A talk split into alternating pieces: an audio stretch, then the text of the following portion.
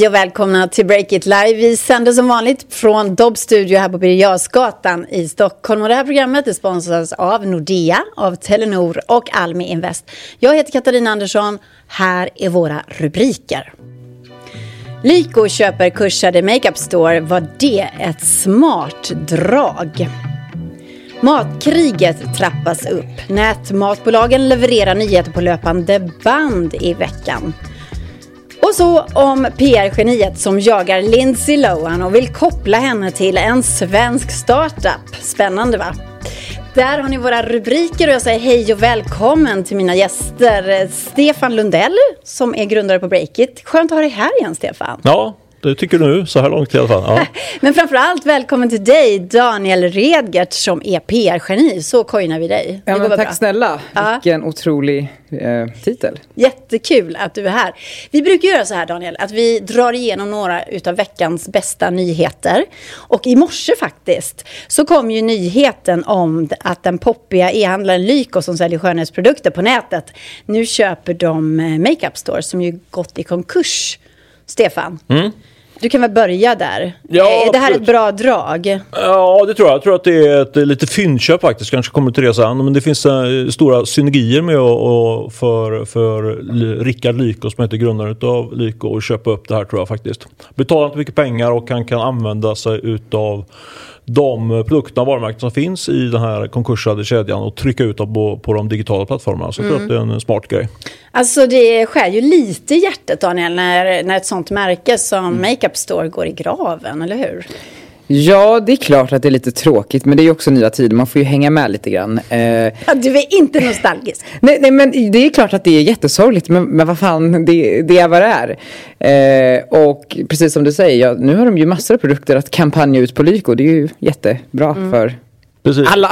Det, det, får man lägga till också, graven och graven. Så att de, de får ju förnyat liv nu kan man säga, mm. genom Lyko då. Så att de kommer ja, behålla varumärken. Ja, men själva makeup store, märkena, butikerna, de kommer ju försvinna då. Kanske. Kanske, Eller? jag vet inte. Alltså nu får ni förklara för mig, ja. för nu begriper jag inte riktigt. Men... Nej men jag tror att de kommer att göra så att de kommer att, alltså Lyko har ju sålt de här varumärken tidigare mm. eh, och nu plockar de över dem i, i egen, eh, egen affär så att säga. Så då kommer de kunna, jag tror absolut att de kommer att fortsätta sälja varumärken mm. för de är väl hyggligt starka. Du kände ju till dem till och med. Så ja, men det var det jag menar. Det kommer inte stå Lyko då uppe på skyltarna på butiken. Nej, det, det kan jag inte tänka mig. Alltså så här, jag, jag har en lite, i och med att jag kommer ju också från kommunikation och PR och marknad. Uh. Eh, så just Lyko är ju väldigt breda i sin marknadsföring. De kör ju tv-reklam, de kör eh, utomhusreklam, influencer marketing, allt vad det är.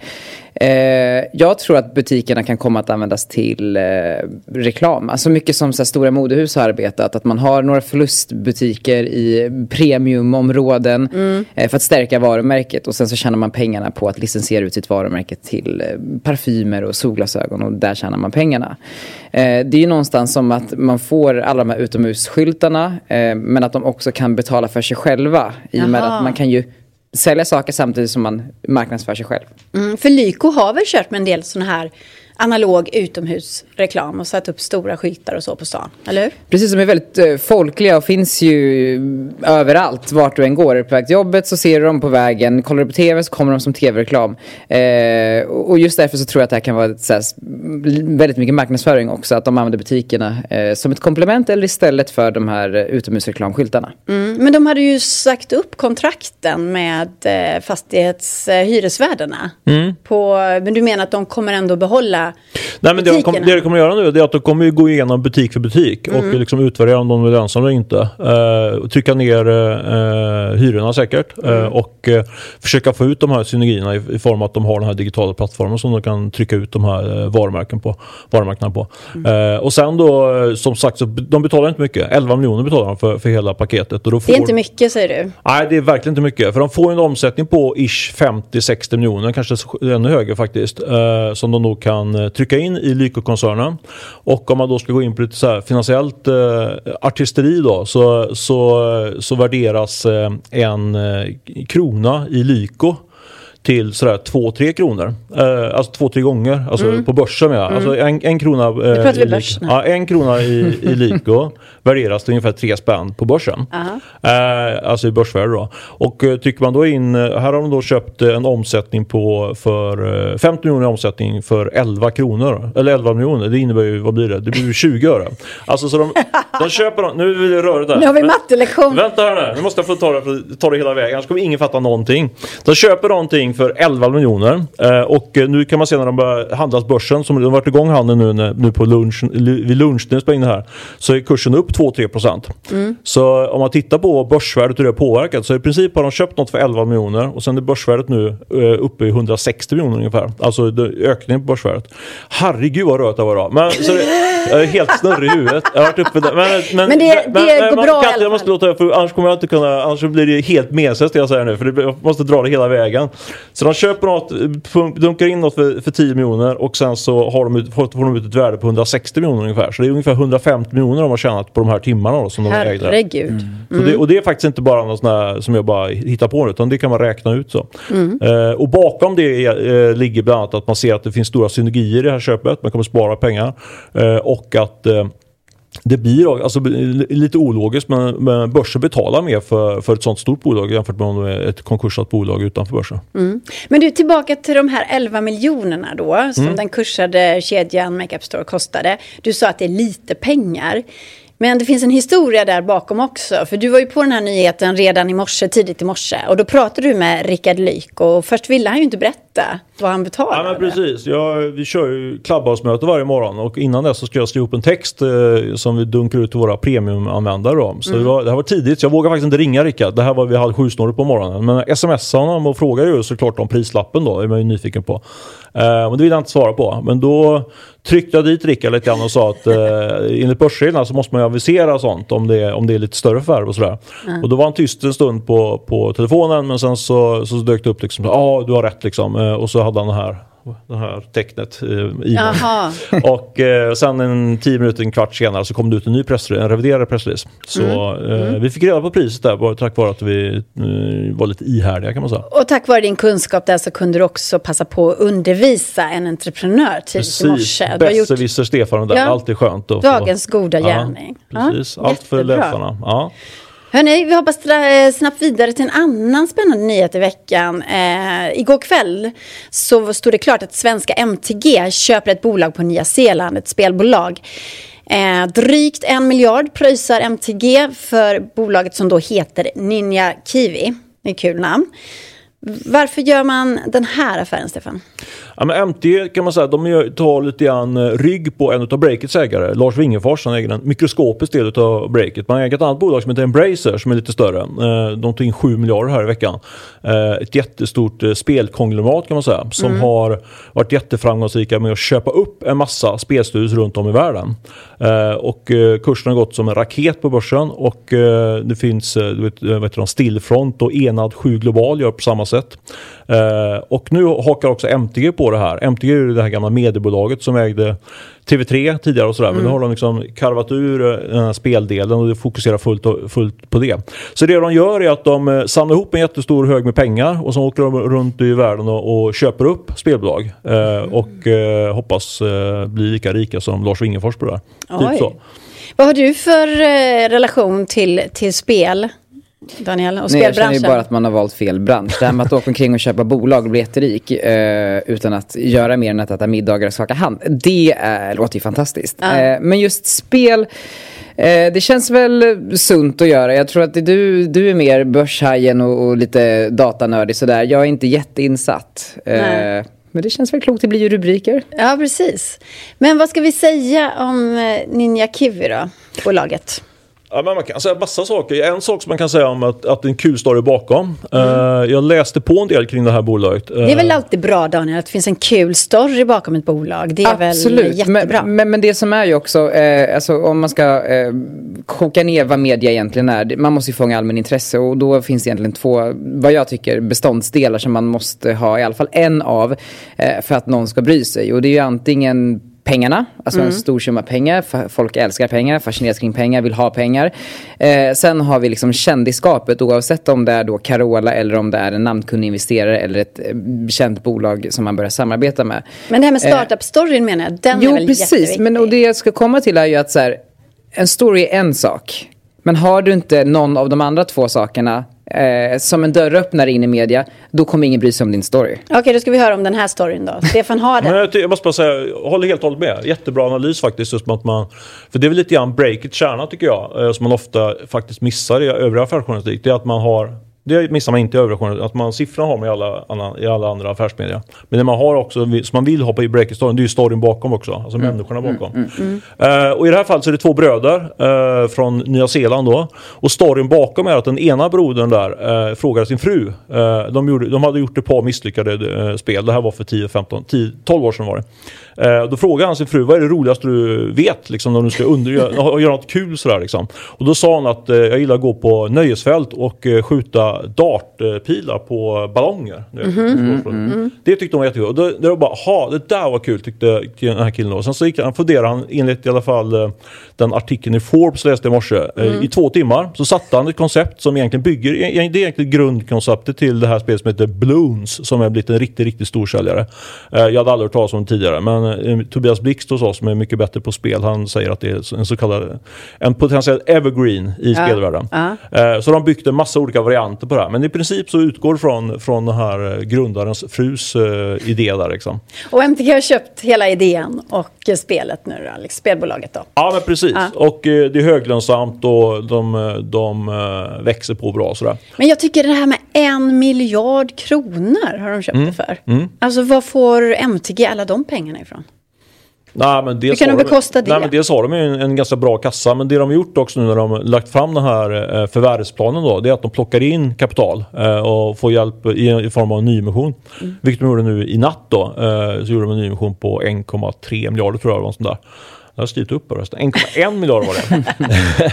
jag är väldigt ro... För att vara ekonomijournalist är jag extremt dålig på siffror. Men jag, när jag skrev upp dem så kommer jag ihåg dem. Det var nästan rätt. Ja. Mm. Nej, men så de, de plockar in eh, den här stora jättehög med pengar då som jag sa. Och de har bland annat fått eh, finansiering av en ny, helt ny spelare för mig. Atarius, som måste titta med anteckningar här. Eh, en nytt, en, eh, ett riskkapitalbolag i, i USA.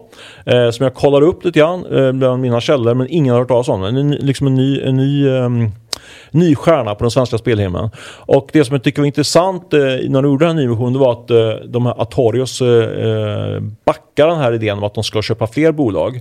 Eh, och det tar jag som en, en intäkt för att de kommer att eh, trycka in ännu mer pengar och de äger ungefär 5 idag i MT. Men jag tror att de kommer växa sin andel för det kommer nog bli fler nyemissioner för att de ska mm. kunna finansiera det. Jag är impad Stefan, du har jobbat hårt från sju i morse. Ja, så du var så här, nyhet efter nyhet ja. efter nyhet. Ja, men kan du bara hålla, hålla dig ja, vaken en, en halvtimme till. till. Ja, ja. Så vi går snabbt vidare så att, så att uh, du klarar av det. Mm. För, jag uh, en sak till som jag bara ser mm. i mina anteckningar. Jag har ändå förberett mig så mycket. Liksom.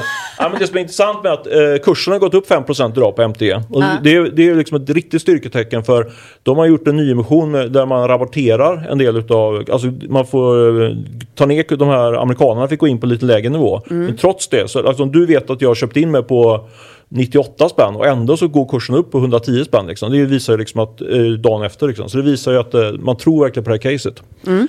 Eh, nu är jag klar. Ja, men jag, jag skulle ändå vilja backa tillbaka hela vägen till Lyko. Eh, ja, för jag kände att jag glömde en sak. Ja, men ska vi dit igen? Ja. Okej, okay. ja, vi hoppar snabbt. Nej, men jag, jag tänkte med de här butikerna då som man har förvärvat. Eh, Lyko har ju, de erbjuder ju frisörbesök och skönhetsbehandlingar och sånt där. Och i och med att det finns eh, väldigt många skönhetsvarumärken och, och företag företag som konkurrerar inom schampokategorin exempelvis så behöver man ju någonstans en, en person som kan gå i god för att dina produkter är bra. Mm. Eh, och har man helt plötsligt massor av frisörssalong, jag tror att man kanske trycker in lite frisörer, lite skönhet ja. eh, runt om eh, i de här butikerna. Och helt plötsligt har du ett nätverk av människor som kan rekommendera saker för dig. Eh, och på så sätt kan du ju eventuellt skapa egna varumärken eller om du vill pusha de som eh, har bäst marginaler mm. för Lyko. Så jag tror att en sån aspekt det kanske inte är medvetet att man har tänkt kring det, men jag tror att det är en jättebra idé i alla fall. Ja, den bjuder du på helt enkelt. Jag bjuder på den, ja. absolut. För det är klart att man vill, man vill ju ha en riktig eh, frisör eller så som säger köp det här schampot Katarina. När du, du springer går. och köper ja, det då. Precis. Mm. Så att det kan de använda sina butiker till också då. Jättebra. Ja, eh, så då hoppar vi från Lyko till nästa grej. Och det är eh, att det har varit många heta matnyheter i veckan. För Matsmart har tagit in pengar.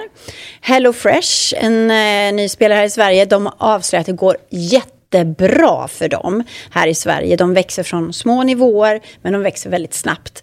Och Eh, de pressar ju då Linas matkasse som är på väg till börsen. Så att vad vi ser här är någon slags matkrig kan man väl säga. Är du en eh, Hello Freshare eller en Linas matkasse-kille, Daniel? Eh, varumärkesmässigt så gillar jag Hello Fresh. Det känns lite fräschare och modernare. Så jag vet att de gör också marknadsföring som kanske är i kanaler där jag finns också. Mm. Eh, men sen så eh, rent vad jag själv, eh, hur jag handlar mat så har jag ju precis upptäckt Foodora Market. Kan man eh. alltså handla mat där, inte bara beställa en maträtt utan du handlar hela din matkasse? Där? Ja, alltså jag, min matkasse är ju ganska tunn men de sakerna jag behöver, jag eh, kollade på tv någon kväll och så blev jag sugen på en bar och så behövde jag någon lite kvarg till frukost. Så gick jag in i Foodora och skulle bara kolla om det gick att eh, handla där och helt mm. plötsligt så det finns ju restaurangavdelning, det finns en market, det fanns något annat. Så jag bara klickade i, liksom ihop vad jag vill ha 35 minuter senare var utanför dörren. Åh, vad bra. Ja. ja men, men jag visste faktiskt inte att man kunde handla som på ICA i Foodora, men det kan man alltså? Jo, men absolut. Det där ja. är en jättestor grej. Alltså det, det, där är något som växer jättemycket i Foodora-segmentet. Liksom. De, de lanserade det för typ två, tre månader sedan tror jag. Sån mm. för att, och det är liksom det som är den stora tillväxtmotorn i Foodora nu. Ja. Men hur var, hur var leveransen? Var det bara liksom så här? Eller hur 35 minuter, ja. mm. eller 25. Alltså det bara stod där utanför dörren. Fantastiskt. Mm. Men det passade singel hushållet ja. där man inte har så här jättestort kylskåp utan Absolut. man vill ha lite frukost nästa mm. dag. Ungefär. Typ så. Ja, men det här med matbranschen då Stefan mm. Eh, och de här nyheterna som rullades ut i veckan. Varför är matbolagen så på just nu? Ja, men jag tycker att alltså, de är precis som du säger, de är heta från flera, fast på, utifrån flera aspekter. Och man borde nog dela upp liksom, eh, det här segmentet lite grann. Eh, man, skulle, man kan förenklat säga liksom, prata om foodtech och eh, liksom mer, säga, mer traditionell mat på nätet. Mm. Liksom. Eh, om vi börjar med det traditionella då, liksom, som är Foodora, eh, Linas matkasse, kanske vad heter de, Mathem och sådär. Liksom. De har ju fått liksom, en uh, ultraboost utav pandemin. Eh, Såklart. Ja, mm. Så det är liksom snabbspolat egentligen utvecklingen där från att det varit kanske sådär 1-2% av, av mat, maten, alltså, över hela matmarknaden gått på nätet. Och det är marknadsvärde typ 300 miljarder i Sverige, så en gigantisk marknad. Till att det nu är på väg upp. Jag vet inte exakt exakt, de är uppåt 5 kanske, 5-6 procent. I Sydkorea tror jag det är på 15-16 procent. Så Oj. det är det man liksom siktar mot. Så det där har ju såklart gjort att eh, massa investerare har blivit supersugna på att gå in i det här eh, och man har liksom gasat den här utvecklingen. Mm. Eh, men sen har du liksom det som är kanske lite ännu mer innovativt. Kan man säga. Det är ju liksom det som man kan kalla, det är ju väldigt brett då, med foodtech då. Eh, och där har du liksom eh, Oatly-segmentet till exempel. Eh, eller har du, du har ju icke-animaliskt kött alltså. Mm. alltså de här burgarna, ja. Beyond Burgers och sådär. Och där har du liksom egentligen en mycket större innovation för lyckas man lösa den. Jag är ju en sån som gillar kött liksom. Men om mm. man lyckas få över, över mig till, till att käka, eh, om man får kalla det då, fuskkött då. Det är liksom lite ärvördet då. Men liksom det blir lika good enough för mig liksom. Då är det ju en, eh, någonting som kan, kan vara med och lösa liksom hela klimatutmaningen. Och, mm. liksom, det, det Vi ska ju vara klimatsmarta och det funderade mm. jag på. Alltså redan för länge sedan. Jag bodde i San Francisco för fem år sedan och då eh, körde jag Hello Fresh just. Och jag tyckte att de här boxarna, de blev bara större mm. och större och större. Och eh, amerikanerna kräver ju såklart att den här boxen ska kunna stå utanför din lägenhet mm. i tio timmar och fortfarande vara fräsch. Ja, sen också, så det var jättemycket isboxar. Jo, men också, absolut. Och, men ja. också, jag har också börjat med Hello Fresh idag, den här veckan faktiskt. Mm. Och så öppnar man den här jättestora boxarna. Mm. Och så har du alla de här plastpåsarna runt mm. allting också. Så det är mm. superomiljömässigt. Liksom. Och det jag inte gillade ja. var också att för varje måltid så fick man då en liten soja eh, plastburk som var så man skulle rycka bort ett lock och så skulle man, istället för att man köper en soja hemma och mm. har en stor mm. vanlig soja. Jag tyckte att det kändes inte så klimatvänligt och bra. Och då tänker jag så här, när, när du pratar om då fuskkött och sånt som hjälper klimatet. Mm. Så tittar man på de här, hur lådorna bara blir större och större. Du ska gå ner och slänga massa ispåsar i återvinningen varje vecka. Vad tänker du? Det är väl inget eh, snyggt drag? Nej, eller? men jag tänker någonstans att det kommer lösa sig att alla företag eh, det finns ju krav på företag från konsumenter. Eh, du till exempelvis mm. eh, känns som en medveten konsument. Eh, vill inte ha jättestora kartonger som man måste bränna upp någonstans sen som åker ut i atmosfären.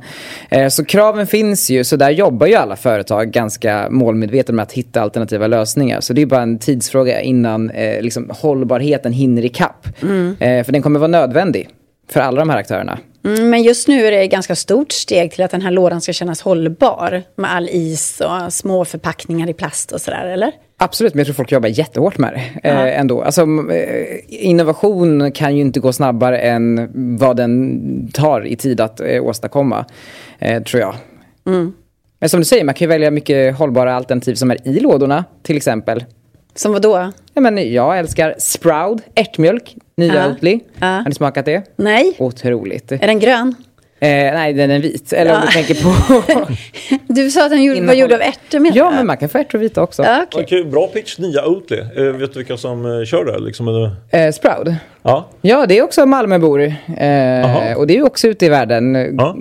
Whole Foods i Kalifornien och sådär. Coolt. Eh, och jag tror att Oatly, alltså jag gillar det Oatly har gjort. Eh, men de är ju jättar nu också. Mm. I stil med vad Arla var när eh, Oatly var, började mm. komma på tapeten. Mm. mm. Eh, så man behöver väl en utmanare även där. Spännande. Verkligen. Men du, en strategi också för att få oss att haka på den här mattrenden och eh, köpa matkassar till exempel. Mm.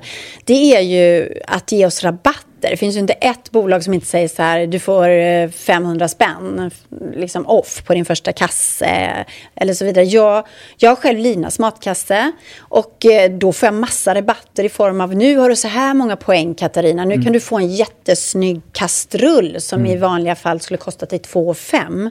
Eh, och så får jag det eller så, får, så kan jag använda mina poäng till att få gratis matkasse. Så jag tycker faktiskt att det är en väldigt bra affär. Men alla de här rabatterna Eh, vad tror du om dem? Och det är ju någonting som man ser, för vi har ju jobbat jättemycket med influencer marketing till exempel. Och det finns ju inte många influencersamarbeten som inte kommer med en rabattkod.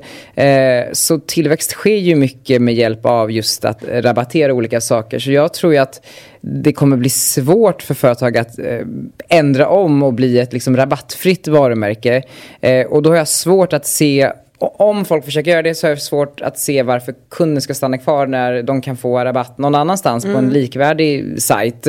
Eh, så där tror jag att det allra viktigaste för alla de här bolagen är ju att bygga eh, community, alltså en stark fanbase. Det finns vissa, vissa exempel, till exempel Revolution Race som verkligen har skapat varumärket med sina fans. Eh, de behöver inte rabattera utan de är tidlösa och folk gillar dem för att Revolution Race lyssnar och skapar sina produkter tillsammans med dem. Så företag behöver bli lite mer så men det är ju en, en utmaning. Hur bygger man community? Det är mm. ju ett geni som måste sitta där eh, och komma på du det. Du menar att de måste anställa dig då? Ja, Det kommer, jag tror det kommer mycket inifrån från entreprenören själv. Eh, och det är ju en sak att så här, i teorin tycka att någonting är bra. Eh, så tycker jag mycket med entreprenörskap överlag. Att så här, det är jättemånga som kommer på en idé som i en spreadsheet ser jätte, jättebra ut. Men kan du inte vad du pysslar med och har erfarenhet från den branschen du ger in i sen tidigare så att det är svårt att lyckas. Mm, men det här med rabatterna då? Mm. Det låter som att du nästan varnar för att man ska gå för hårt på den linjen. Att det, det är liksom, då kommer man ut på tunn is. Jag tror att så här, om, det beror på vad målet eh, är med ditt företagande. Vill du bara bygga någonting som omsätter jättemycket pengar och absolut gå med viss vinst mm. eh, så ska du ju rabattera på om du sen kanske vill sälja det eller sätta det på börsen eller vad det kan vara. Men vill du bygga ett, liksom, ett Walmart eller vill du bygga ett eh, eh ja, med Nike då ska du nog se upp med alla rabattkoder. Oj, vad tänker du om det här Stefan? Du var så tyst. ja, för, nej, men jag tror om man ser på Hello Fresh, nej, men jag tänkte mer på liksom att Hello Fresh har ju växt väldigt mycket på svenska marknaden och jag tror att det har de gjort, de har köpt som marknadsledning genom, genom mycket rabatter. Det tycker mm. jag är en sån spaning.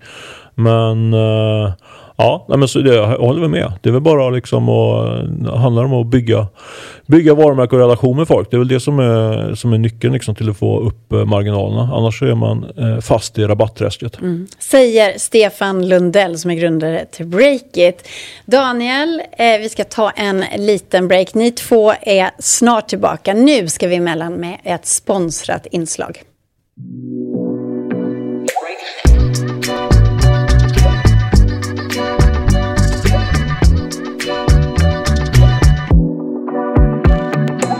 Man är entreprenör och behöver pengar, ska man då rata riskkapitalbolagen och vända sig till investerare som investerar av sina egna pengar och sina egna förmögenheter? Det ska vi snacka om nu. Det här inslaget är ju sponsrat så jag vänder mig till Nordeas eh, Oskar Kilmark. Hej och välkommen! Hej, tack! Och välkommen också Johan Ekberg som är investerare. Tack!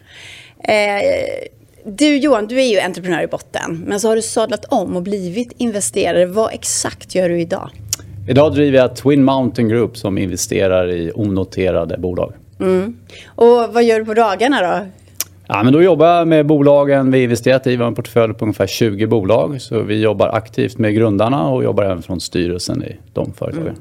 Vad är det för skillnad då? Om du nu är en sån här investerare som investerar dina egna pengar, din egen förmögenhet mot ett riskkapitalbolag. Vad är skillnaden? Ja, men skillnaden tror jag är ganska stora. Vi, eh, ett riskkapitalbolag kommer oftast in lite senare mm. eh, i en entreprenörsresa. Eh, och vi kommer oftast in väldigt, väldigt tidigt. Vi gör framförallt såddfinansieringar. Så att första gången en entreprenör behöver pengar och vill förverkliga sin idé, då är vi där och investerar i bolagen. Mm. Sen tackar vi naturligtvis nej till många bolag, men några få är lyckligt lottade och får vår hjälp att få sin affärsidé till verklighet. Men du är lite mer på tårna då kan man säga än riskkapitalbolagen, för du ska fånga upp de här bolagen före allra först? Nej, men jag tror vi lever i symbios med riskkapitalbolagen. Eh, riskkapitalbolag idag vill ju oftast komma in i lite senare faser och när företagen blivit lite större. Mm. Vi är ju mer inne och vi kanske i större utsträckning tror på människor och en affärsidé. Och riskkapitalbolagen kommer in senare när man bevisat en affärsmodell och en affärsidé och hjälper bolagen att eh, skala upp den affärsidén. Så att mm. jag ser att vi lever i symbios med riskkapitalbolagen. Oskar, vad ser du eh, för någonting på den här fronten? Den här skillnaden mellan riskkapitalbolagen och investerare som går in tidigt som, eh, som eh, Johan här. Men framförallt har man väl sett ganska tydliga trender på, på liksom förändringar på marknaden de senaste liksom 5 till 10 åren. Eh, dels så har vi då förmögna entreprenörer som har, som har gjort en exit och då skaffa, skaffat sig liksom förmågan att göra den här typen av, av investeringar, det vill säga de har kapitalet. Mm. Eh, på andra sidan har vi då också en bolagen där vi ser en, liksom en klart ökad frekvent av bolag som i ett ganska tidigt skede söker riskkapital för att, för att finansiera sig. Och den trenden har man ju sett att, att eh, typen av kapitalanskaffningar och kapitalanskaffningar i ett väldigt, väldigt tidigt skede har ökat. Så det ser vi en tydlig trend på i, hos oss. Det låter som en positiv trend. Ja, det är väl, det är väl liksom positivt för de bolagen som då söker det här riskkapitalet och vill gå den vägen av, av finansiering. Så, så finns ju utbudet och eh, även kompetensen hos de här entreprenörerna som är en annan viktig del än bara kapitalet kan jag tycka när man, när man gör en riskkapitalfinansiering. Mm. Johan, eh, Oskar säger en trend här, håller du med om den? Absolut. Eh, jag är ju själv entreprenör och startade mitt bolag 2004 och då fanns ju inte den här marknaden tillgänglig i samma utsträckning som den gör idag. Idag i Stockholm så är det massor med duktiga entreprenörer som kanske har sålt sina bolag eller gjort en delexit och som vill få de här pengarna att börja arbeta i nya mindre bolag. Så att eh, det är definitivt en annan marknad idag. Spännande tycker jag. Vad har du för tips då som har stått på båda sidorna skanklet till de entreprenörer som vill ha tillgång till just dina pengar?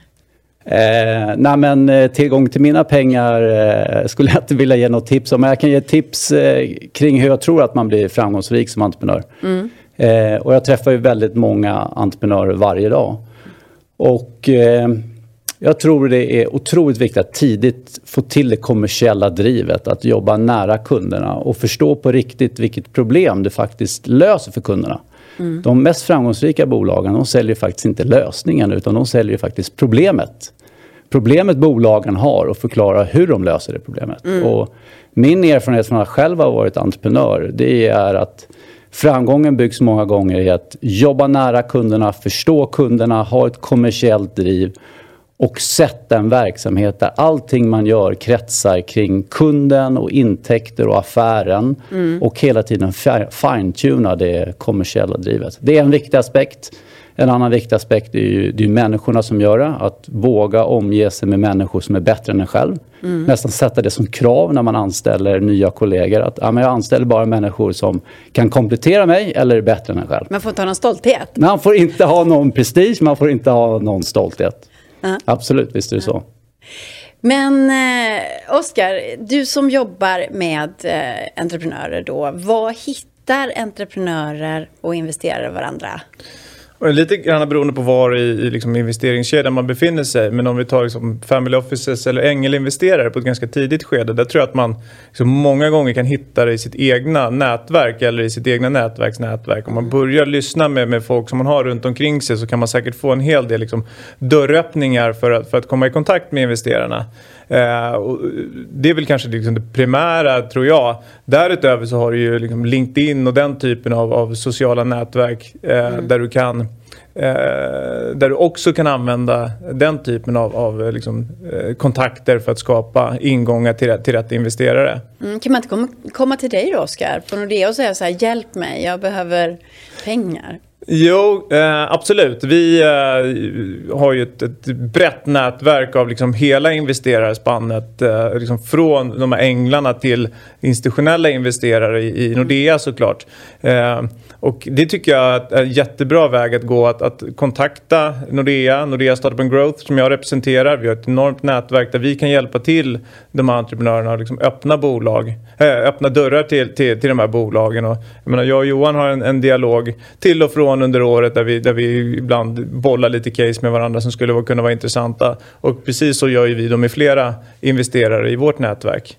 Så ni är inte konkurrenter ni två om de här bra bolagen? Eller lite grann kanske? Absolut är vi inte konkurrenter. Nej. Vi hjälps åt. Det är en annan typ av, av, av eh, peng som, som banken kan erbjuda. Vi kan hjälpa till att öppna dörrarna för riskkapitalet och sen så har vi bankfinansiering som kan komplettera risk, riskkapitalet. Så jag skulle inte säga att vi, vi konkurrerar inte om, om kunderna i den fasen. Mm. Och sen är ju Nordea är unik med sin enhet som är Startup and Growth där jag upplever att Nordea kanske är den banken som mest i Stockholm förstår eh, hur det är att vara entreprenör, hur det är att bygga upp ett bolag och där man försöker förstå kundernas eh, verksamheter och se om Nordea kan hjälpa till att, att finansiera den. Där fick så. du lite cred då, Oskar Kilmark från ja. Nordea. Tack så väldigt mycket för att du kom hit. Tack också Johan Ekberg och stort tack till Nordea för att ni sponsrar Break It Live.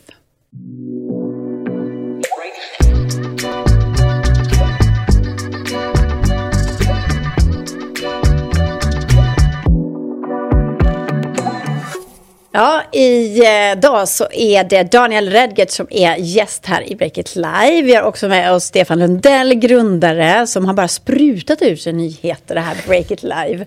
Du, eh, jag är impad av dig, Stefan. Du går upp tid på morgonen, du jobbar i ditt anletes svett för att få fram de bästa nyheterna mm. till Breakits läsare. Mm. Allt, för, allt för publiken. Mm, nu ser du lite trött ut ja, jag, bara. Så här, jag känner mig jättetrött idag, så det, men det är ju snällt att du boostar mig lite grann. Precis. Ja. Men Daniel, lite om dig då. Ja. Och ditt bolag eh, som heter Redgat Koms. Du håller på med kommunikation och PR i alla fall. Mm. Eh, hur går det för dig? Nej, men det går eh, jättebra. Vi växer åt alla håll och kanter. Vi är ju en eh, kommunikationsbyrå som jobbar med, liksom först och främst började som en PR-byrå eh, men la ganska snabbt på influencer marketing-benet, ganska snabbt på performance marketing-benet, content och egentligen allting, alla de här eh, entreprenörerna som tar in massor av miljoner och har en bra idé, eh, mm. behöver eh, i liksom, de första stadierna eh, i sin företagsresa.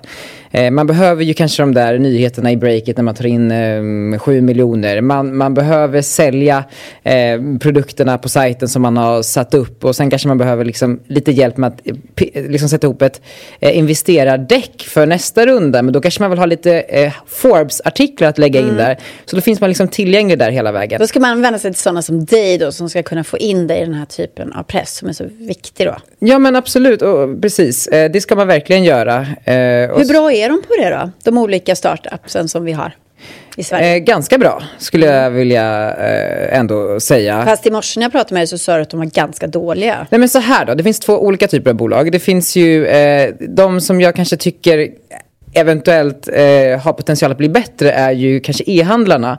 För att de eh, många gånger har ju startats av någon ung själ som har en idé om att sälja någonting på nätet. Mm. Eh, börja sälja, man börjar göra lite influencer marketing-samarbeten, sakerna börjar sälja. Helt plötsligt är man uppe i så här jättestora volymer och, och slår 100 miljoner, 200 miljoner, 500 miljoner i omsättning. Eh, och organisationen måste ju hänga med. Och där märker ju vi att så här, när vi kanske för tre år sedan pratade med influencer marketingavdelningen på ett företag och de eh, köper ett samarbete av oss med eh, influencer XYZ.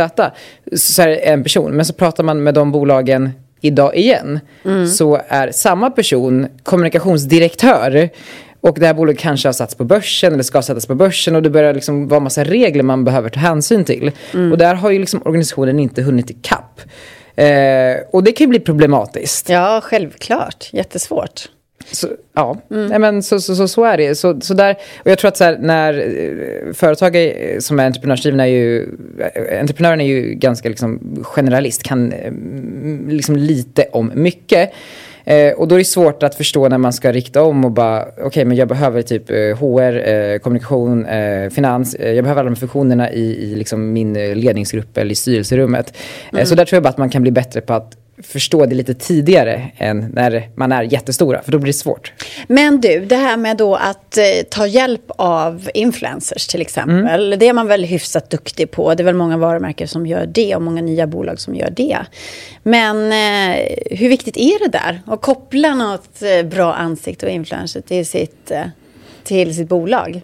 Alltså, lite som jag var inne på tidigare, alltså media, eller egentligen allmänheten bryr sig om, om vissa saker och, och, gärna liksom kändisskap och pengar och sånt där som det finns allmänintresse kring, vilket gör att media bevakar det. Eh, det är ju jättemånga företag som kommer till en eh, med en bra story, men saknar liksom de här små grejerna som gör att eh, Nyhetsmorgon eller Breakit öppnar upp dörren.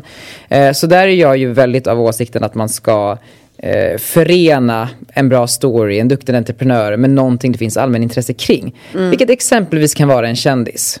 Stefan, går du på den varje gång en kändis dyker upp tillsammans med ett techbolag eller frontar ett techbolag? Ja, ja nio fall av tio ja, gillar det. Ja. Jag brukar ha lite sådana här dragningar också för hur man, på temat liksom, hur blir man nyhet på break och sådär. Och då är det absolut ett, en, en sån kul. Sen är, har vi ganska, har vi kanske en annan definition på vad kändis är än eh, andra medier kanske. Sådär. Mm. Men vi gillar ju liksom investeringskändisar och näringslivskändisar och sådär. Men, men eh, det funkar ju bra med Snoop Dogg också liksom, om han dyker upp. Sådär. Så det, det, ja, det är roligt. Tänk mm. bara jag måste bara, som, jag är ändå nyhetssupporter och, och Daniel nämnde ju lite siffror i, i pauserna. Kör du? Rätt sagt när vi satt som fastnitare och tittade på såklart eh, på, på Nordeas inslag. Men eh, vi ställde några frågor också där kring eh, omsättning. Du, du, hur går det för dig? Det går väldigt bra förstår jag. Ja men alltså byrån har ju gått från eh, 4 till 12 till 20 till eh, i år tror jag att vi landar på strax under 40 miljoner i omsättning, helt organiskt. Eh, Menar du 20 under coronaåret? Ah, ja. Mm. Eh, och då är vi ändå lite påverkade. Det hade varit mer annars. Sen så har ju vi också ett eh, separat bolag i eh, UK. Där vi jobbar mot eh, UK och mot USA och mot Kanada. Mm. Eh, Vad kommer det, ju... har, för, det, för där ligger ytterligare några, några miljoner. Så typ, det kommer uppåt 50 nästan i år då? Ja, men mellan 40 och 50 skulle mm. jag säga. Och rörelsemarginal står på 15 procent? Ja, men där någonstans. Ja. Där ser ni, fick lite nyheter mm. där. På, ja. är du impad Stefan? Ja, jätteimpad. Ja. Superstark tillväxt måste jag säga. Vad, vad liksom, har du någon hemlighet bakom liksom? Mer, mer än det här vanliga, hårt jobb och, och så vidare? Finns det något, något, något, något trick som du har?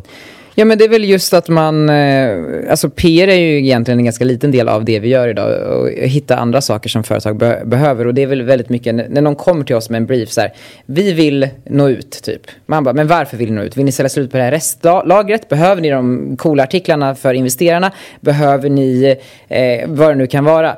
Och, och när man väl sätter det, alltså vad det faktiska behovet är, då kan man ju också eh, ta fram olika affärsområden som, som passar det och det gör att man breddar sig ganska mycket. Så vi har ju väldigt mycket vi erbjuder. Eh, sen vill jag säga en sak, alltså det här är ju ändå en eh, sajt, tidning som rapporterar om techbranschen. Alltså vi har ju börjat göra influencer marketing i Brasilien. det går så jävla bra. Vill man ha liksom nedladdningar, vill man ha folk som börjar använda din app eh, så kan man liksom... Typ, det Donny Wellington gjorde för tio år sedan i Sverige, det var tidigare med influencers, det var väldigt billigt med influencers.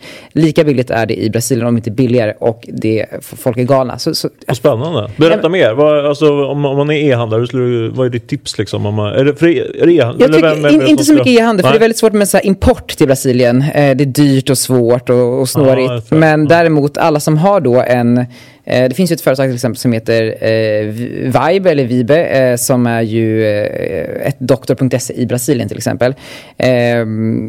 Jättebra exempel på ett företag som skulle kunna använda sig av brasilianska influencers. Ja. Sen är ju också alla spelbolag är ju på väg till liksom Sydamerika. Det är fortfarande liksom gråzon kring vad man får göra och inte. Alltså menar du bettingbolaget? Ja. ja. ja. Där kan man ju använda alltså, hur mycket influencers som helst om man vill. Eh, sen så, ja, men, men, så alla som behöver liksom nedladdningar och människor som eh, integrera med din tekniska lösning som du har tagit fram. Men Daniel, det här med influencers och hur viktiga de är mm. då. Jag har ju hört då att du eh, nu har kontakt med den gamla ikonen Lindsay Lohans brorsa. Ja. över WhatsApp och på e-mail. Och du vill att Lindsay ska flygas till Sverige för att göra PR-event och klistra liksom fem, sex varumärken i pannan på henne. Ja, alltså så här då. Eh, Lindsay är ju inte en stekhet kändis. Nej. Men jag tänker att hon är ju mer kostnadseffektiv än vad typ Bianca Ingrosso är. Och hon är jättekänd. Har Bianca gått om Lindsay Lohan? Men jag tror jag fick en offert på typ 250 000 för eh, Lindsay Lohan. Mm. Eh, Vad får man då för men, Lindsay Lohan om man tror att det var typ så här, 250 000? En story, en post, medverka på ett event, typ tre intervjuer. Och Rent fysiskt event i Sverige? Ja.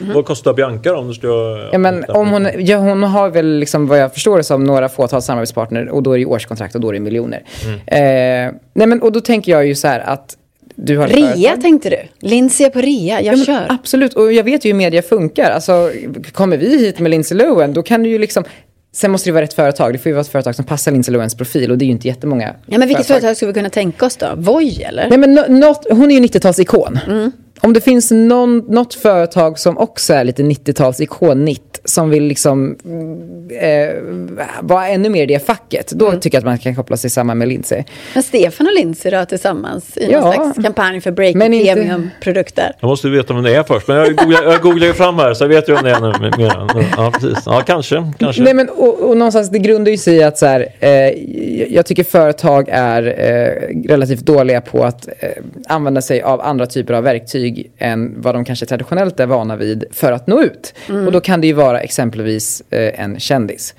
Om vi ser på eh, Klarna är ju jättehyllat för marknadsföring de gör och, hela liksom Snoop Dogg eh, eh. Mm. Och om man ser till vad det är egentligen så är det ju kändisen som gör kampanjen. Alltså det är ju Snoop som gör att det finns ett allmänintresse. Och sen så blir den ju het för att paketeringen är snygg. Det är snygga färger, det är bra typsnitt, det är bra videomaterial, mm. det är en bra story. Eh, men utan kändisen så hade det inte varit någonting av vad det är idag. Men Klarna är väl duktiga på det där. De plockar också lite skabbiga kändisar som inte de här allra hetaste. Eh, Snoop Dogg var ju jättecool på 90-talet.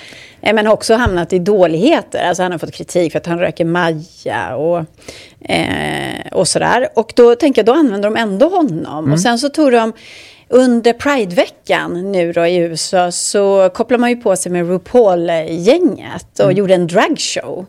Också väldigt smart drag egentligen. Men det är ju lite vågat för att vara i USA skulle jag säga. Eller hur? Båda de här två frontfigurerna. Ja, på ett sätt är det, väl, är det väl vågat. Men alla saker som någonstans någon ska bry sig om måste ju vara lite vågade. Om det vore helt riskfritt så skulle ju ja, det skulle inte finnas det här oväntade momentet Nej. som gör surprise, surprise, här kommer vi med Snoop Dogg. Det är ju det som är spännande. Eh, och just med, om man tittar till amerikanska kändisar, det finns ju väldigt, väldigt, väldigt många människor i USA som är kända, eller har varit kända, eh, eller på väg att bli kända. Vilket gör att det är inte lika, här har vi liksom fem influencers som alla måste slåss om. Så där kan man ju fynda kändisar och, eh, ja, men och samköra dem på flera marknader. Ja. Ja, men vilket smart drag. Jag... Har du gjort det i praktiken eller är det mer en idé? Liksom, tänker du? Jag, nej, men jag försöker hela tiden, men det är ingen ja. som vill. Är det så? Ja, ja men företagen bara, ja, nej, men vi är inte så mycket kändis X, Y, Z. Jag bara, men alltså det här är billigare än allt ni gör eh, tillsammans och ni kan köra ut det på massor av marknader samtidigt och ni kan bli Klarna som ni säger att ni vill bli som. Eh, gör det bara. Mm. Mm. Men det är svårt. Det är bra. Ord och inga visor från Daniel. Ja. ja. Kämpa på. Men eh, jag vill gå vidare för du är ju skitduktig på det här med marketing och hur man säljer sig själv då som techbolag till exempel. Och eh, jag var lite nyfiken på det här med, med Sebastian Siemiatkowski, Klarna-grundaren som verkar vara ute på någon slags PR-turné just nu. För han var ju för några veckor sedan var han med hos Karina Bergfeldt i SVT. Han eh, gör hela den här veckan så gör han podden under mm. 15, heter ju podden. Och då gör, är han med varje dag. Och han har varit gäst i Morgonpasset i P3. Så det är någon typ av eh, marknadsföringsframstöt han håller på med kan man tänka sig. Han kanske till och med är på väg hit till Break It Live. Har vi fått veta. Jättekul nice. vore det, Grattis. eller hur? Ja, det vore skitroligt. Men eh, varför? Vad håller han på med? Kan du ge oss en, eh, en bild? Mm, alltså jag vet inte vad hans syfte är exakt, men jag tycker att det han gör är väldigt smart. Och jag tycker väl att han alltid har varit lite så. Så det var ju ganska tidigt man läste om honom i King Magazine och, och, och liksom större entreprenörsporträtt och blev den här inspiratören för, för många människor. Och det, jag vet inte om det är så han faktiskt har gjort, men jag tycker att när företagsledare tar in kanske kompetens som eh, låt säga en PR-person som kanske tidigare har jobbat med eh, kändisar eller författare eller något annat eh, och sen får i uppdrag att profilera en, en företagsledare så händer det oftast den här typen av saker. Mm. För att om jag har jobbat med att placera Camilla Läckberg i media i tio år då, då vet jag att ja, men de här formaten finns och om man vinklar det på det här sättet då skulle den här personen vara aktuell eh, dit. Eh, och då händer det sådana här saker. Och, och Klarna är ju också ett företag som har många svenskar som kunder. Det är klart att han måste prata till alla. Men du, pratar du om David Sandström nu? Är det han som är den här duktiga PR-personen som du pratar om som, som har marknadsfört eh, Camilla Läckberg och nu kan göra samma sak för Sebastian? ja, alltså, jag, jag, vet inte om han är just PR-person, men han är ju marknadsperson. Ja. och eh, i och med att han då, om jag har förstått allt rätt, är ju mannen bakom till exempel Snoop Dogg så finns ju det tänket hos honom mm. uppenbart. Och det är ju jätte, jättesmart. För det är inte heller speciellt svårt. Har man en, en framgångsrik eh, företagsledare som har ett stort företag som människor tycker är spännande. Det är bara så små saker man måste vrida och vända på för att eh, folk ska eh, tycka att det här är ännu mer intressant än vad det kanske egentligen är. Mm. Och då får man också styra lite narrativet. Är vi liksom, ska vi i människors ögon vara ett bolag som eh, skickar människor till Kronofogden eller ska vi vara ett eh, spännande lifestyle-varumärke? Mm. och det kan man ju bestämma genom att göra sådana aktiveringar. Men jag tycker du ska ringa upp David för att du har ju Lindsay på gång och de har ju kört Snoop liksom. Det är typ så här 90-talskändisar båda två. Jag tror inte att han skulle vara helt eh, stängd för den idén. Nej, men du kan väl komma tillbaka om han nappar och berätta ja, för oss. Absolut. Om Klarna på något sätt ska koppla sig till Lindsay Lohan. Jag tror kanske att hon är lite för avdankad faktiskt. men du, om vi tittar då på våran, alltså Låter det här lite som att vi berömmer Klarna, en av Sveriges mest spännande nya bolag då i, i vår sfär, det nya näringslivet. Spotify är ett annat. Eh, vad tycker du om deras eh, strategier? De ja. använder ju också sina artister och sådär för att få folk att ladda ner appen. Och... Alltså Spotify, det, det är ju eh, spännande. Men alltså, det finns ju också, är man i viss size, alltså mm. som företag, då spelar det egentligen ingen roll vad du gör för folk kommer ju bry sig i alla fall. Um... Ja, fast det är inte roligt att bry sig om Spotifys nyheter alla gånger kan ju vi säga Stefan, som journalister. Ja. Jag menar, med det menar jag så här, det är inte så himla välpaketerat ens för oss då. Mm. Jag tänkte på det här eventet Streamon som, som Spotify hade i februari. Det är ett stort och påkostat digitalt event där de ska presentera sina senaste nyheter och vad de planerar framåt. Det handlar om poddar, musik, nya verktyg eh, till communityn och så vidare. Mm. Egentligen otroligt mycket spännande material. Mm. Men jag tycker att eventet som är streamat faller lite platt. För det handlar bara om att Daniel Ek pratar först, sen lämnar han över ordet till nästa Chief Digital Officer bla bla bla eller den och den Product Managern. Och så berättar de rakt av om sina mm. produkter och så kör de lite snäppiga klipp med eh, någon användare som känner att Spotify är bäst i världen. Mm där tänker jag så här, att det inte är tillräckligt bra, tänker jag som, eh, som journalist och eh, som vet hur man paketerar. Mm. Jag tror att man hade kunnat spice upp det utan att tappa, för, för det jag tror jag rädslan är att man tappar eh, coolheten i Spotify. Eh, men man hade fortfarande kunnat spice upp det med någonting som, ja men låt säga eh, som Carola till exempel.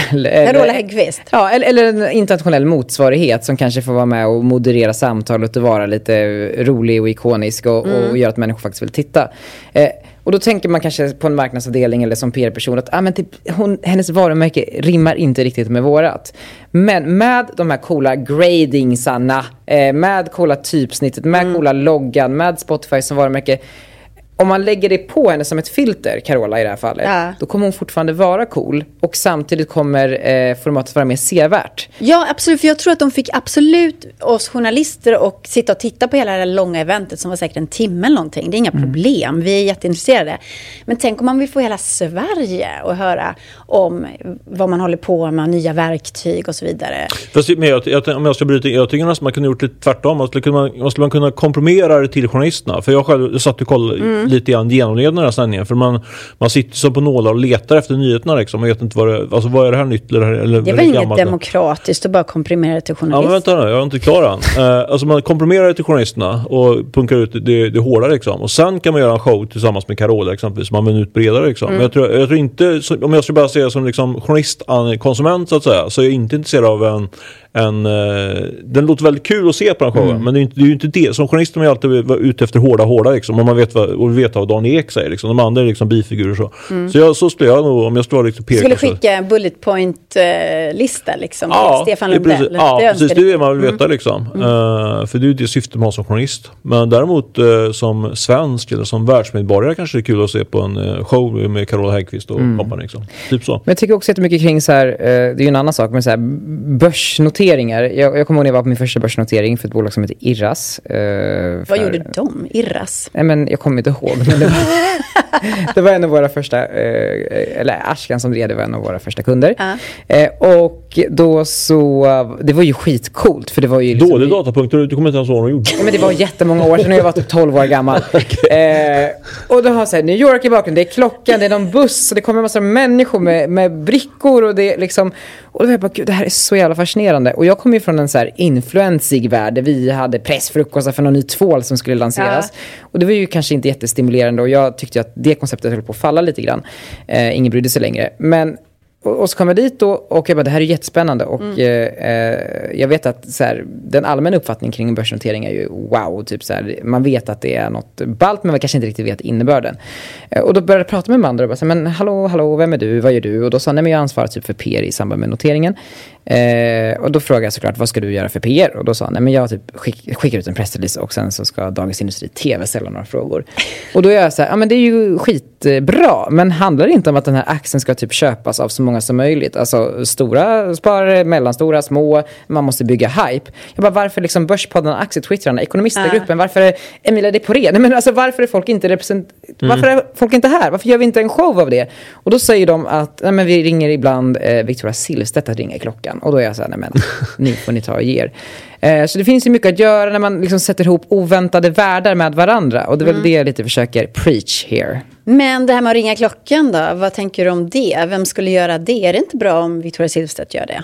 Men det är också lite omodernt. Alltså ja. här har vi liksom en, en blond tjej som lite tokigt ska eh, ringa i, klockan. Ja men vem ska ringa i klockan för jo, men, dig då, så att det blir coolt? Jo men, men eh, låt säga att, eh, nu är det verkligen eh, någonting som jag bara kommer på väldigt ja. snabbt. Men säg att Klarna ska börsnoteras. Ja. Ta Snoop Dogg då. Ja. Ja. Jättebra, alla kommer bry sig. Mm. Mycket bättre än Victoria. Men självklart ska Snoop göra det. Eller han RuPaul då. Ja, mm. verkligen. Mm. De kan stå båda två där och ringa i klockan. Eller hon ja, men... den här B-kändisen som du... Lindsay. De tre, vilken trio när Klarna började Det så roligt, det var okommenterat. Hon bara, bara stod och ringde. Ni hade ju skrivit om det, det hade blivit ja, en grej. Verkligen gjort. Det har de verkligen gjort. Oh, gud. Eh, jätteroligt det här. Men en annan sak som jag också funderar på, som också går in i din mm. värld mm. Eh, ganska mycket.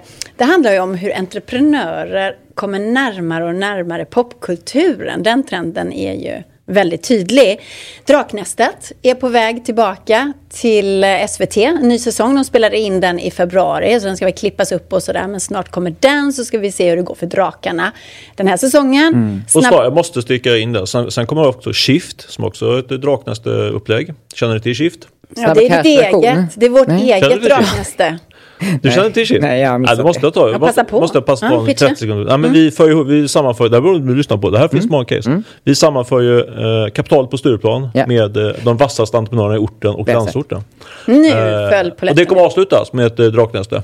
Med eh, inför 12 stycken riktigt tunga investerare. Mm, vårt Och, eget draknäste. Precis. Och det är mycket, mer på riktigt jämfört med det här SVT-draknästet. Ja, herregud. Och det är också en absolut. del av kan vi väl säga, populärkulturen, ish, bla bla. sådär. verkligen. Ja, jätteduktiga. Men eh, vårt eget draknäste, Mm. SVTs draknäste, Snabba Cash är en tv-serie om startup-världen i Stockholm. Och den har eh, premiär på Netflix i april. Det är Precis. också... Ska man lägga till att det är, det är ju- jag fick ju undervisa lite grann här om vad det här var. Ja, jag har inte hört talas om. Snabba Cash. Nej men det är Jens Lapidus, advokaten, som blev, eh, som blev eh, action-deckarförfattare kan man säga. Men och han gjorde en trilogi tror jag om det. Men nu tar man liksom det konceptet, Snabba Cash, eh, och gör det i entreprenörs startup-miljö kan man säga. Så det är liksom det, är den andan så, och Jens Lapidus som är på något sätt. Så, det, men, så det är ju inte, det är ju inte Snabba Cash-boken, utan den är, den är redan filmatiserad. Men den här kommer nu... Men det är tempot, den rytmen. Ja men lite precis, lite det tilltal så. För att eh, ett exempel till, om man ska ha Mm. tre exempel, så, så har ju Draknästet, vi har Snabba Cash och sen är den norska serien Exit där eh, de här finanshajarna på Ackers brygge, de knullar, de snortar och de tjänar jävligt mycket pengar, eller hur? Ja. Och eh, den serien serie. är också väldigt populär och Absolut. ses Och många. ångestframkallande så att säga. Alla som jag pratar med tycker att man får Ja. ångest. så. Men man men dras ändå. Jag ser Men det kan vara skönt med lite ångest på söndagskvällen? Eller Ja, lördagskvällen ja, eller sänds.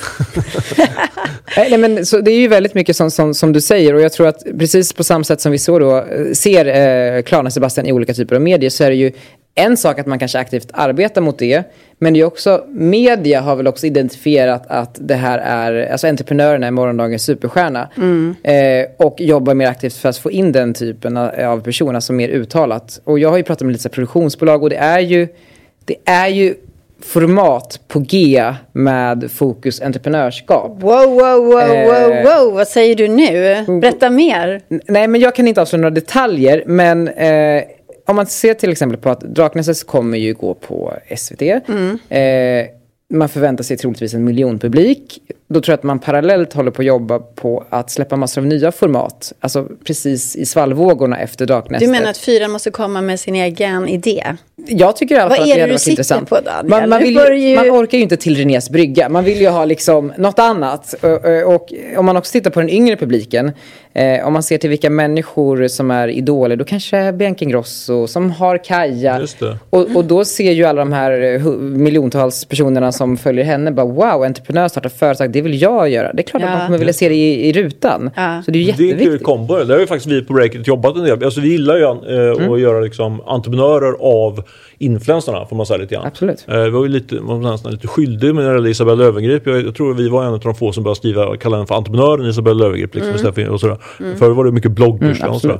Eh, så vi, har vi har ju varit med, varit med och bygga den hypen lite grann sådär. Men den är ju på riktigt också. Men Bianca är ju ett fantastiskt fint bolag liksom. Så det, det är en bra idé. Det, det, den kombon tror jag faktiskt på. Så, är det något som du tror kommer bli ett, bra tv-format? Liksom? Att man plockar liksom entreprenörsinfluencerna med, med eh, Om den här tv ska överleva, för det är också så här, nu vet jag inte gjort en undersökning, Nej. men jag kan tänka mig att man går omkring i skolor i Sverige och frågar så här, vad vill du bli när du blir stor? Eh, då kan jag bara tänka mig, okej men vilka är förebilderna? Det är ju Mm. inte Lindsay Lohan längre, utan då kanske det är eh, ja, men, eh, Bianca, Bianca. eller någon annan, Mm. eh, Therese Lindgren. Eh, jag vill starta mitt eget skönhetsmärke kan jag tänka mig att någon säger. Eller jag vill starta mitt företag. Eller jag vill liksom eh, ha en YouTube-kanal där jag tjänar pengar. Och det är ju entreprenörskap. Det är ju klart att eh, traditionell media måste hänga med där. Men det du har nosat upp nu om att det ska vara någon tv-serie på gång Mm. med entreprenör som bas. Är det en fiction? Eller är det ett eh, reality-format? Eh, Jag tror att det finns, så här, jag, jag kommer inte säga. eh, men jag tror att det det kan, det kan finnas eh, att bägge är på G, alltså bägge typer av format. Är det någonting som, som du är säker på? Man kan aldrig vara säker. Saker kan hända i världen. Ja, ja, Okej, jag ville bara veta. Men, men eh, vi, vi hoppas på det, att det kommer Ja. fler tv-serier som handlar men jag om tycker, den kan vi här inte bara skicka med Daniel, om det är något på gång där så är det kul, om- då måste de ju involvera Breakit på något sätt. Vi kan ju ställa upp som experter. Det skulle vara kul att swisha Någon förbi kan, vem ska utan. spela Stefan Lundell då? Mikael Oj. Persbrandt kanske? Ja, Ja. eh, ja. men, men alltså. Men det, alltså... Ove, vad heter som är mer så kanske med. Men jag måste också ge Breakit cred. Alltså jag älskar Breakit. Jag tycker att det ni gör är fantastiskt. Tell us more, tell us more, tell us more. Jo men ett så här, ni, ni har ju verkligen fattat grejen folk vill ha. Folk vill ha rubriker, folk vill ha miljoner, miljarder, ett känt namn, eh, eh, skvallriga nyhetsbrev. Och det gör ju att eh, jag tror Breakit har en eh, lysande framtid framför sig. Oh, Underbart att höra. Ja. Mm. Hörni, nu har vi pratat både länge och väl. Det har varit en väldigt intressant dryg timme med er båda. Så att eh, jag tycker att vi måste smälla igen dörren här ja. live för den här gången. Men Daniel, du kommer väl tillbaka? Ja, det här var om jätteroligt. jag får, så hemskt gärna. Daniel Redgert, eh, tack så jättemycket. Tack också Stefan Lundell, Breakits grundare. Nu får du åka hem och sova om du vill. Mm. Och eh, hörni, glöm inte att eh, vi kan höras som podd imorgon bitti. Vi finns också på tuben senare. Och eh, Nordea, Telenor och Almi Invest är våra sponsorer. Tack för den här veckan. Vi hörs nästa torsdag om du vill. Hej då!